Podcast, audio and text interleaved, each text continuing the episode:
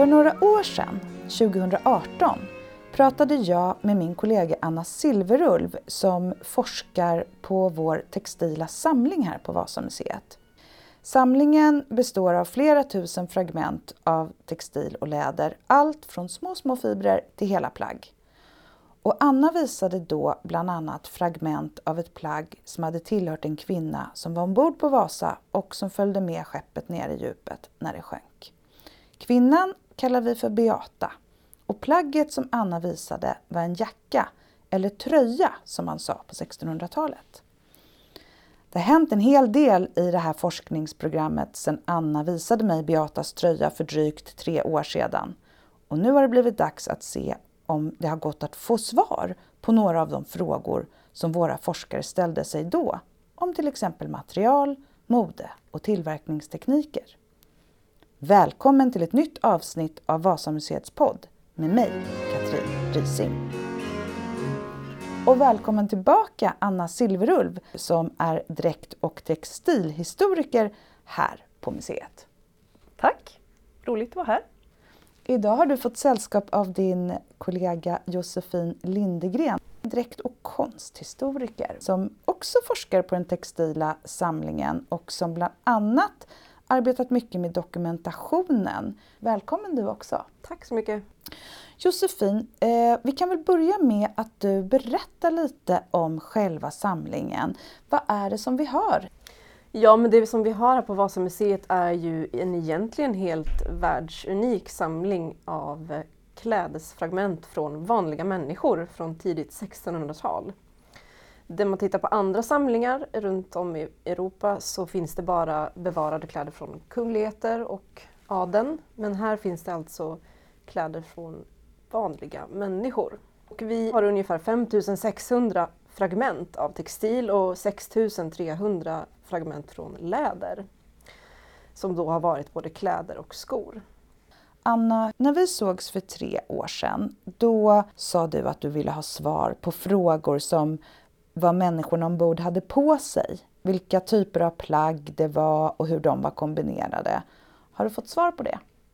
Vi börjar ju att få en del svar, men samlingen är ju så otroligt omfattande så vi har ju inte hunnit med att gå igenom hela samlingen än, utan vi har börjat att titta på vissa kontexter. Och kontext är alltså fyndplats med olika fynd som hör ihop med varandra.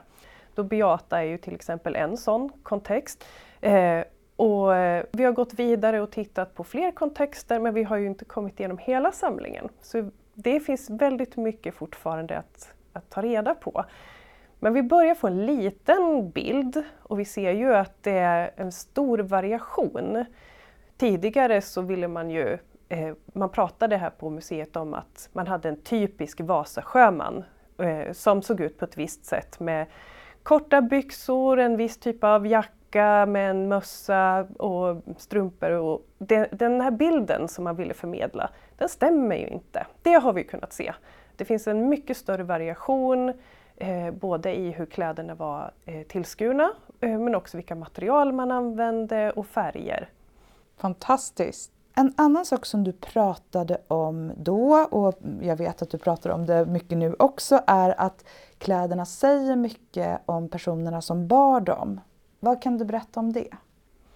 Alltså, kläder har ju genom alla tider både speglat eh, det personliga valet men också samhällsklass och ekonomisk status. Eh, och ännu mer så var det ju så förr att man klädde sig mer efter sin samhällsklass. Och här kan man ju då se i materialet på olika sätt eh, spår av användning, det är slitage, det är lagningar. Till exempel kan vi se att det är väldigt mycket små bitar som man har skarvat, man använde allt material, tyg var ju dyrt. Så man var väldigt noga med att använda alla bitar. Och det är någonting som vi kan se i materialet men som också gör det ganska svårt för oss idag att förstå exakt hur de här kläderna har sett ut. Det är många bitar som inte vid första anblicken ser ut att tillhöra någonstans. Men när man får lägga pusslet sen så upptäcker man att ah, det här kanske, den satt här och så blir det en helhet till slut. Men eh, man, man lappade, man lagade och det kan berätta mycket om livet och, och hur man levde.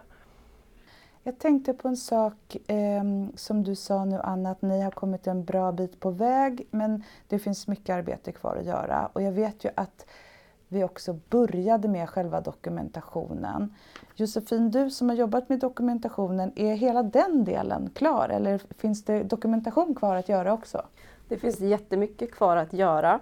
Eh, vi jobbar oss igenom samlingen och utgår ifrån de mest eh, välbevarade fynden och plaggen som vi kan utläsa mest information ifrån eh, för att sedan kunna gå vidare och rekonstruera. Och en revolutionerande upptäckt som ni har gjort under den här perioden var ju att det som en gång i tiden tolkades och registrerades som ett par byxor egentligen var en kjol. Anna, hur kom du på det? Ja, jag fick ju frågan om vi hade kvinnokläder ombord. Och då började jag titta på Beatas tröja. Men i samband med det så tittade vi ju på hela den fyndkontexten och tittade på vad hennes eh, skelettfynd var gjorda och så vidare och fanns det andra textila fynd i det, i det området. Och det vi upptäckte var att det fanns ett, ett ganska stort textilt fynd som man hade registrerat som ett par byxor. Det var många fragment i ett mörkt ylletyg. Och det här fyndet började jag då pussla ihop för att försöka se. Det är ganska fragmentariskt.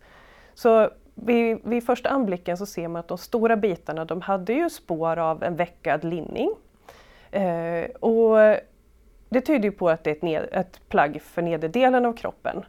Men när man då började pussla ihop de här fragmenten, vilket man inte hade gjort förut, så kunde man se att de här delarna blev mycket större än de här knäbyxorna som man då bar, herrarna bar på den här tiden. Eh, och om man börjar jämföra då tillskärning så var det inte tillskuret på samma sätt. Väcken var annorlunda och vi jämförde med de byxorna som vi då vet i samlingen där man verkligen tydligt ser är byxor. Eh, och såg att äh, men det stämmer inte riktigt det här. Och då gick vi tillbaka till fyndkontexten och, och tittade, ja, men vart i den här fyndkontexten är just det här fyndet hittat? Och det som verkligen då konfirmerade våra misstankar, det var ju att eh, den här fyndplatsen visade sig innehålla då nederdelen av Beatas skelett. Så det var hennes bäcken, hennes lårben och så vidare. Och då kunde vi ju känna oss ganska trygga med att se att nej, det här är faktiskt inte ett par byxor, det är en kjol. Alltså ni är ju som så textildetektiver. Ja, det är lite CSI över det här. Mm, verkligen. Har ni fler sådana eh, revolutionerande upptäckter eller omvälvande analyser? Ja, jag började dokumentera eh, kontexten kring eh, skelettet Adam förra året. Och det är en kontext som man plockade upp skelettet tillsammans med flera föremål och bylten av textil eh, när skeppet fortfarande låg under vatten. Så det är ett dykarfynd. Så man vet att de här kläderna faktiskt kan relateras till skelettet Adam. Eh, och det är väldigt mycket väldigt fragmentariska textilfynd i det.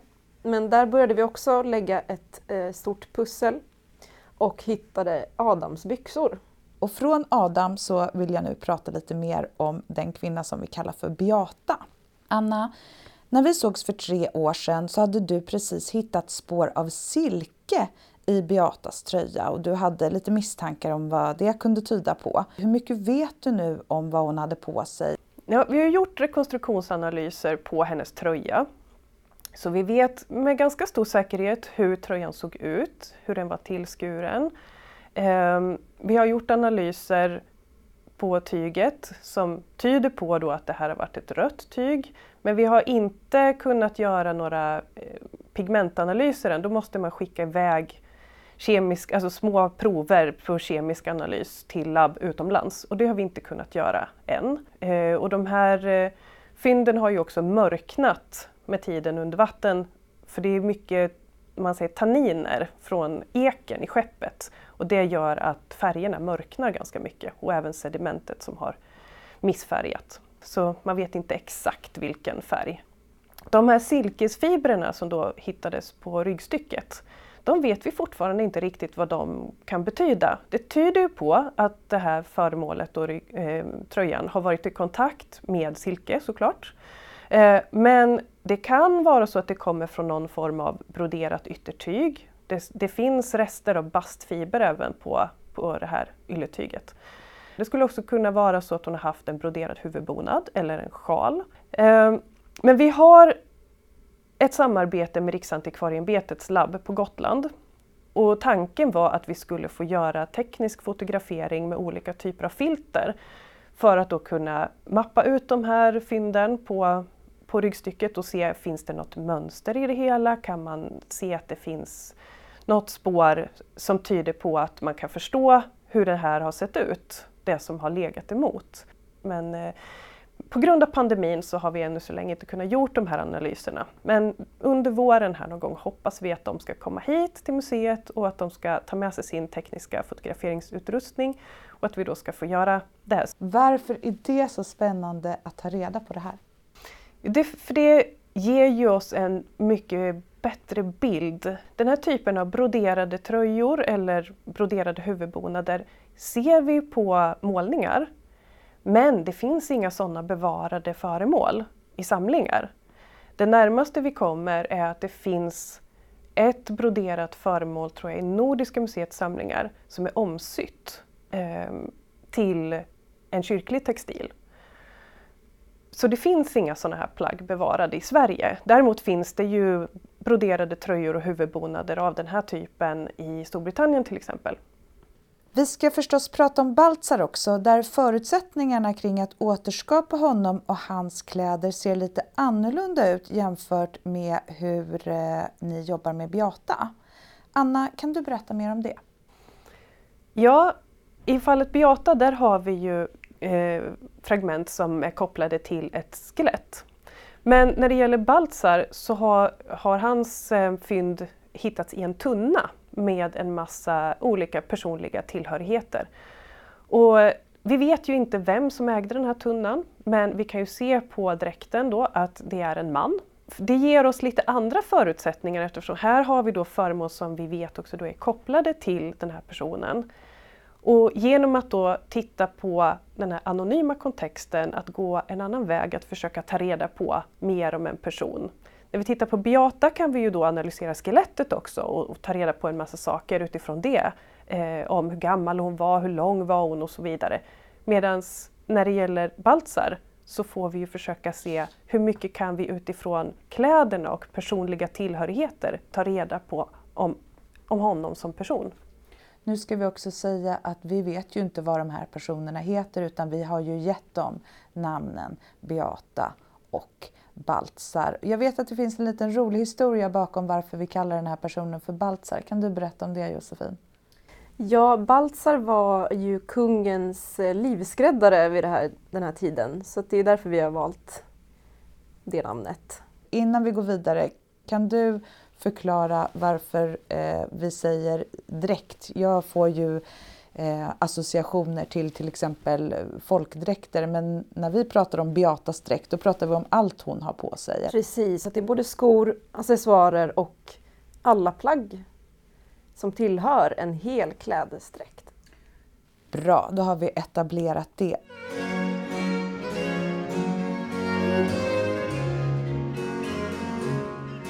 Vi ska prata vidare om Beatas dräkt därför att inte bara forskar ni om vad hon hade på sig och hur det kan ha sett ut. Vi ska ju också här på museet inför publik återskapa Beatas dräkt i så historiskt korrekt utförande som möjligt. Det här ska eh, ske i Skeppshallen i museet där vi har byggt upp en skräddarstuga enligt 1600-talsmodell. Anna, kan du berätta mer om hur det här ska gå till? Mm, vi kommer sitta då eh, inför publiken på eftermiddagarna, måndag till fredag. Och då kommer jag framförallt sitta i skräddarstugan, men jag kommer också ha hjälp av Josefin och av Fred Hocker som är vår forskningsledare här på museet. Och vi kommer återskapa Beatas dräkt och en dräkt från Baltzar. Och de här kläderna då ska vi eh, sy upp vi kommer inte att använda handvävda tyger i första hand för det är ett ganska kort projekt så det här blir lite som ett pilotprojekt. Så vi kommer ta färdigproducerade tyger men som är så nära de kvaliteterna som vi har i originalen som möjligt. Men vi kommer då testa våra mönsterrekonstruktioner. Vi kommer att använda levande modeller där du Katrin kommer att få vara Beata. Eh, så att vi kan prova in de här plaggen så att det blir skräddarsytt efter person och att de här plaggen då också går att bära. Så att vi kan förstå mer om hur de har fungerat och hur de känns att ha på sig. Det blir också ett sätt att få visualisera för besökarna hur de här föremålen såg ut en gång i tiden. Det är ju, för ett otränat öga så ser ju de flesta av de här fynden ut som bruna, ganska tråkiga skräpbitar av tyg.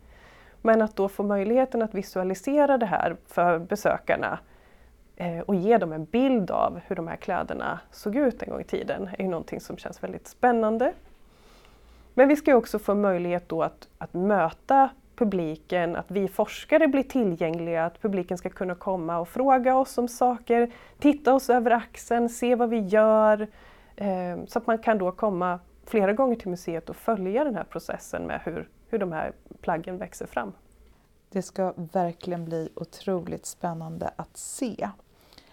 Och Josefin, om jag har förstått det hela rätt så ska du sticka strumpor, stämmer det? Ja, vi har väl inte jättemycket stickat bevarat i Vasas samling. Det finns kanske omkring tio fynd.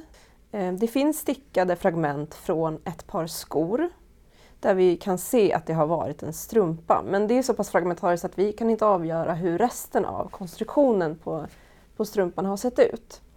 Så vi har inte jättemycket att gå på. Så det vi kommer göra är att vi får titta på andra samlingar och titta på jämförelsematerial för att kunna avgöra hur resten av strumpan ska stickas och hur den ska konstrueras. Men det vi kan se i vårt stickade material det är ju vilket garn man använt och vilken tjocklek på garn och även sticktätheten. Är det ylle då? Det blir av ullgarn. Det fanns ju eh, också stickade strumpor av silke vid den här tiden men det tillhörde en högre samhällsklass och vanligt kungliga människor. Så att det vi ser här är ju ull. Och då blir det en perfekt övergång till att prata mer om materialen. Eh, vad syddes vanligt folks kläder av? Under plaggen, där hade man ju lin framför allt. Men vi har också sett att eh, modernare forskning visar att man även använder hampa i finare kvaliteter. Men framförallt så är det ju lin i underplagg, skjortor och särkar. Eh, och sen så är det ju olika typer av ylletyger som man då har i kjolar, tröjor, byxor. Går det att veta var tygerna som kläderna är sydda av, var de tillverkades och av vem eller vilka? Det är ju någonting som tillhör våra kommande forskningsplaner att ta reda på. Men vi börjar ju kunna se en lite mer typiskt Vasa-ulltyg av en liksom mellangrov kvalitet med en ganska tät lugg ovanpå. Man har alltså ruggat och borstat ulltyget som en efterbehandling eh, för att få en så tät lugg så att inte bottenväven är synlig. Så det är en återkommande kvalitet. Vad vet man överhuvudtaget om klädtillverkning på 1600-talet? Ja, man vet ju att man sydde en hel del hemma eh, och att man vävde en hel del tyger i hemmen. Men vad vi också kan se i vårt material som vi tycker är väldigt spännande och vill titta vidare på, det är ju att vi har många kvaliteter som förefaller att vara professionellt tillverkade. Och eh, vi har ju en, en eh, inhemsk pro, professionell produktion av tyg i Sverige, men vi importerar också tyg vid den här tiden. Så det är ju någonting vi vill titta vidare på. Att hur mycket är det egentligen så att man väver hemma och går att ta reda på eh, hur mycket man faktiskt köper sina tyger vid den här tiden. Kan ni se, från det materialet som vi har, kan ni se några modetrender i det? Vi kan ju se en stor variation. Eh, att vi har Framförallt om man tittar på tröjorna så kan man se att det är eh, både korta skört som var mode lite tidigare på 1600-talet. Vi kan se de här mellanlånga som kommer sen och man kan se lite längre skört som också är då mer i den här eh, närmare tiden. Vi kan också se skillnader i, i tillskärning på ärmar till exempel, så, sådana som är lite enklare tillskurna och sådana som då är eh, mer precis 1620-tal. Så det, det man ser är att det är ju en variation av olika stilar. Och eh, vid den här tiden så, så hade man ju inte en jättestor garderob, man bytte ju inte kläder varje säsong som man kanske gör mer nu för tiden utan man använde ju och brukade kläderna under lång tid. Vilket ju också gör att man ser den här variationen.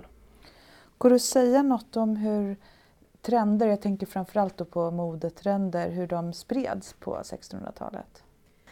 Ja, det man kan se är ju hur handel och resande runt om i Europa påverkade spridningen av trender. Det vi kan se i vårt material är att det är influerat från det nederländska modet och tyska modet.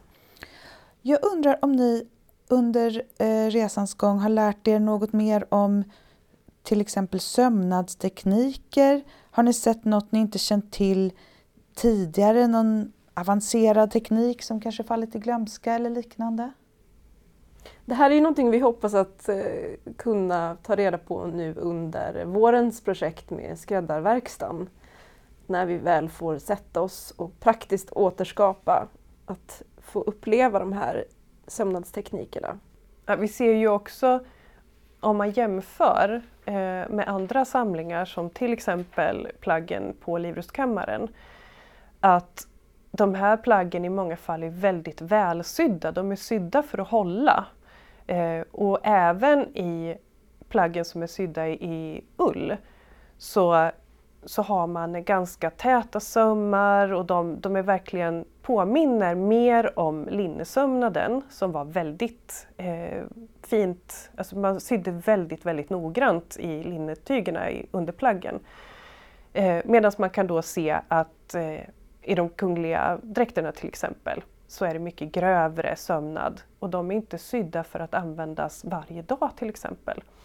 Eh, det kanske ska sys till en kröning och det ska bäras då en dag och det ska gå fort oftast. Så det är stor skillnad. Där. Till skillnad från ett par byxor som ska användas dag in och ja, dag ut och man ska arbeta mer än... Och, ja. Någonting som jag verkligen vill göra det är ju att få gå till livrustkammaren och så jämföra med de plaggen som mm. då eh, livréerna till exempel som bars varje dag mm. eller liksom andra plagg som var sånt som faktiskt skulle brukas liksom, och se skillnaderna och om det på något sätt eh, liksom, stämmer överens mer med våra plagg. Och det är ju någonting som, som sticker ut och som, man då, eh, som vi har kunnat se som en skillnad. Som är spännande då att följa ju mer vi kommer igenom samlingen och se, är det här någonting som, som är genomgående trend?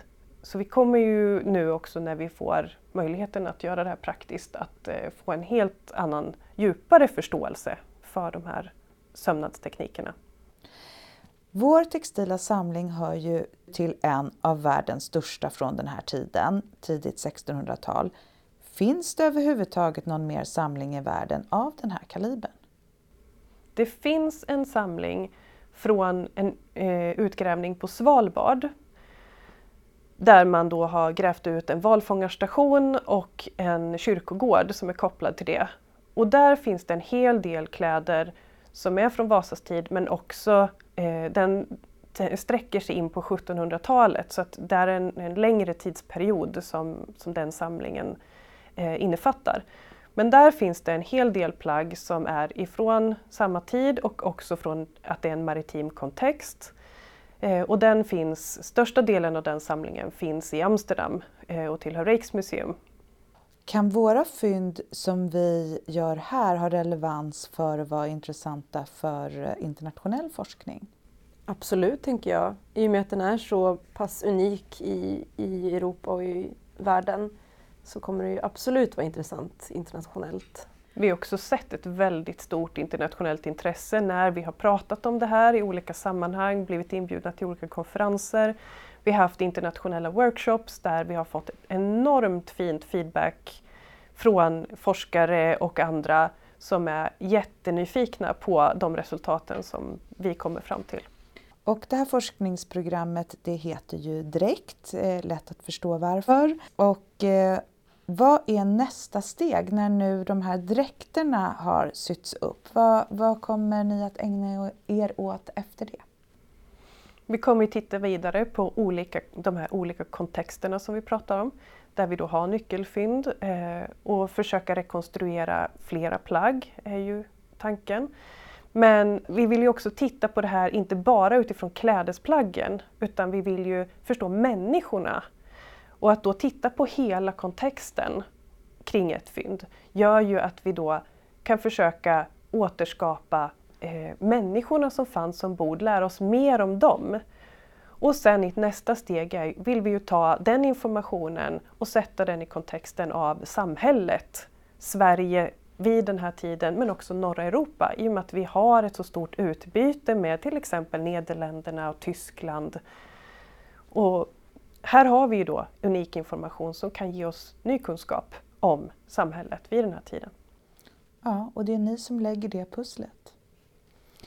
Slutligen, vad, om ni får välja, vad tycker ni är extra intressant att upptäcka i forskningen som återstår i i det här projektet?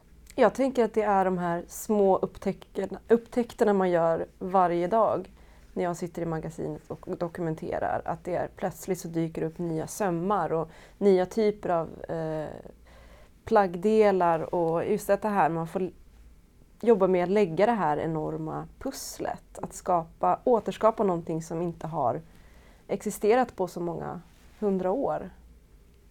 Vad säger du Anna? Ja, det är att komma åt de här människorna tror jag som bara omnämns i skriftliga källor men som sällan beskrivs. Och att genom att lägga det här pusslet så kan vi ju vi kan komma dem närmare, vi kan få lära oss saker om vardagslivet, om, om människorna på Vasa i, i Sverige vid den här tiden. Det är så många aspekter. Eh, och just som Josefin säger, det här att, att få upptäcka de här små sakerna som i slutändan ger den här stora bilden. Att gå från fiber till samhälle, det är det som jag verkligen tycker är det mest fantastiska. Ja, kläder är ju det man har närmast kroppen så att man kan ju inte komma en människa närmare än genom att titta på det de har haft på sig.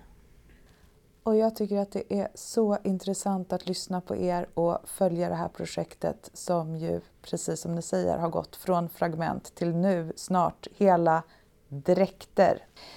Det var allt för idag. Stort tack Josefin och stort tack Anna för att ni kom hit. Tack så mycket.